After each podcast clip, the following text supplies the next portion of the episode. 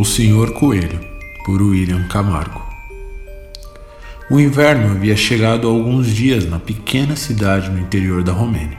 A neve caía tênue naquela tarde em que três jovens meninas aspirantes à vida religiosa andavam tranquilamente pelo bosque perto da cidade, recolhendo as últimas flores que sobreviveram ao início do inverno. A mais velha das garotas, Alice, tinha cabelos castanhos, pele branca e olhos verdes. Usava os paramentos de uma noviça e tratava suas amigas Helga e Juliana como suas irmãs mais novas. As garotas costumavam andar pela região e conheciam os bosques desde criança. Helga, um pouco acima do peso, de cabelos loiros e pele clara, com algumas sardas, advertiu as amigas: Ei meninas, olhem isso aqui.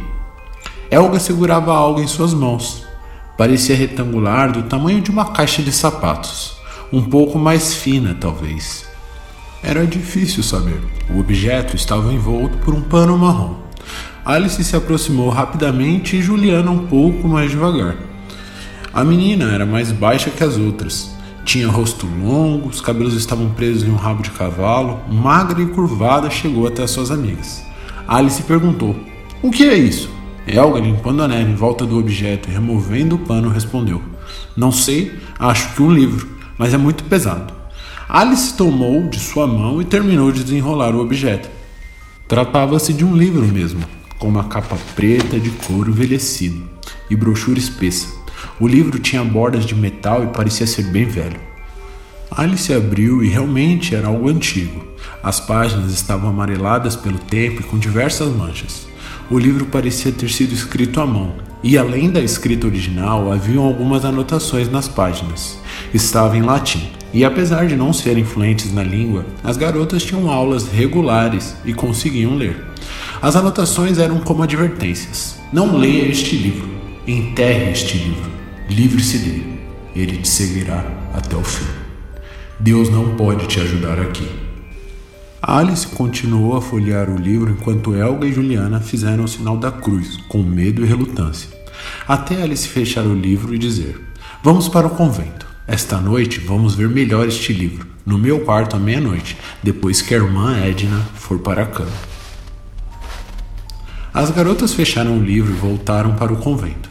Elga e Juliana se entreolharam relutantes e Alice parecia animada. Ao chegarem, terminaram suas tarefas diárias e desceram para o pátio central do convento para o horário de lazer. O grande castelo, antes de se tornar um convento, foi lar de uma família nobre que, por não ter herdeiros, o deixou para a igreja. Seis torres compunham o grande castelo, que possuía uma arquitetura gótica, como todo castelo construído na Europa no fim do século XIV. Estátuas de anjos espalhadas pelo convento traziam um clima tenso para as jovens, que sentiam-se observadas o tempo todo. As meninas desceram para o pátio central e foram brincar, como era de costume no fim de todas as tardes. A brincadeira mudava de tempos em tempos, mas a da época era o Senhor Coelho. A brincadeira consiste em várias garotas de mão dadas formando um círculo e uma no centro, que é o Senhor Coelho. A garota do centro dá ordens às demais. O senhor coelho deve tomar banho. As garotas soltam a mão e simulam um banho. O senhor coelho deve pentear os cabelos. As garotas penteiam os cabelos. Depois de três ordens, a garota diz: O senhor coelho quer sair. As garotas seguram firme suas mãos e impedem a garota do centro de sair. Se ela conseguir sair, todas correm atrás dela. Quem a pegar primeiro será o novo senhor coelho. Enquanto o jogo acontecia, Elga contou sobre o livro para mais três garotas do convento e as convidou para o aposento de Alice à meia-noite para verem o livro juntas. Horas depois, as garotas foram para seus aposentos, se banharam e em seguida o jantar foi servido. Por fim, fizeram as orações noturnas antes de se retirarem para seus cômodos às nove. Deste horário até a meia-noite, as freiras faziam rondas pelo convento para impedir as garotas de perambular tarde da noite mas à meia-noite as freiras se retiravam e o caminho ficava livre. Entretanto, Alice não conseguiu esperar até tarde da noite para iniciar a leitura do livro. Deitou em sua cama e começou a folhear os manuscritos sozinha. Ao badalar da meia-noite, as garotas, uma a uma, saíram de seus quartos e foram em direção ao quarto de Alice, como combinado. Todas se encontraram no corredor e bateram levemente na porta de Alice, que abriu a porta. Naquele instante, as meninas, quase que ao mesmo tempo, levaram as mãos à boca. Um cheiro estranho saía do quarto de Alice. Uma mistura de cheiro de brasas apagadas com fezes asfixiou por um breve instante. Alice estava de camisola, como de costume, mas um de seus seios estava para fora da roupa, e seu cabelo estava desgrenhado feito um punhado de feno. Seus olhos estavam profundos, como se estivesse olhando para o nada.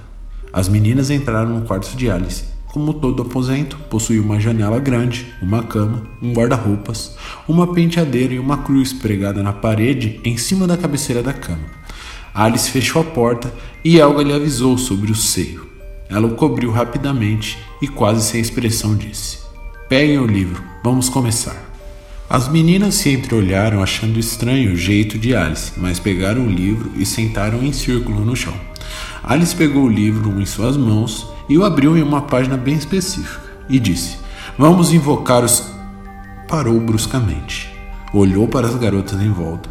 Todas estavam olhando para ela, com um ar de desaprovação e medo, mas ela retomou: Eu descobri um jogo nesse livro, bem parecido com o que costumamos fazer no pátio, mas é para adultos. Juliana interrompeu. Você está bem, Alice? Está esquisita, agindo estranho. Alice olhou nos olhos dela e disse: Nunca estive melhor. Me sinto vivo. Quer dizer, viva. Com um sorriso no rosto, continuou: A brincadeira é igual a do Sr. Coelho. Vamos começar. Deem as mãos. Vocês devem obedecer, as regras são iguais. As meninas deram as mãos e começaram o jogo.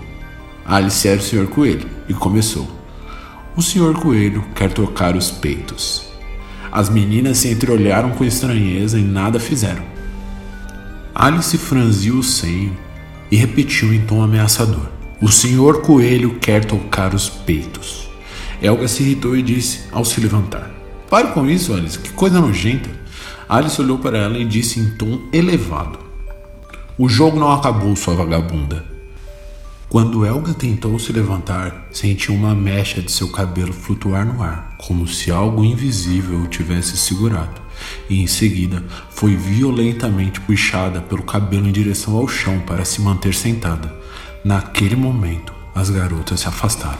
Algumas gritaram, outras começaram a rezar, e Alice com uma voz que não cabia dentro daquele corpo disse: Calem-se, ou arranco os dentes de vocês, um Au!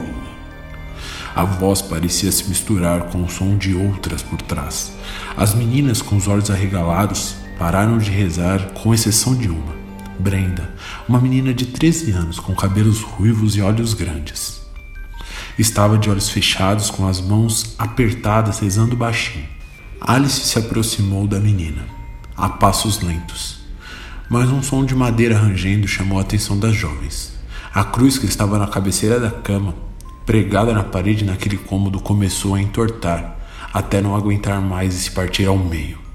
Som da cruz se quebrando foi mais alto do que se esperava, e quando as garotas voltaram os olhos para Brenda, seu corpo estava estirado no chão e seu pescoço estava totalmente quebrado, tal qual a cruz. As meninas catatônicas ficaram imóveis até Alice interromper o silêncio. Quem não obedecer será a próxima. Vamos, façam um círculo.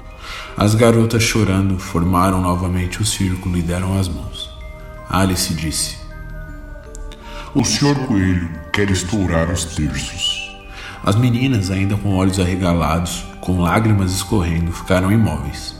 Alice franziu o senho novamente e, naquele instante, os cabelos de todas as meninas começaram a flutuar levemente.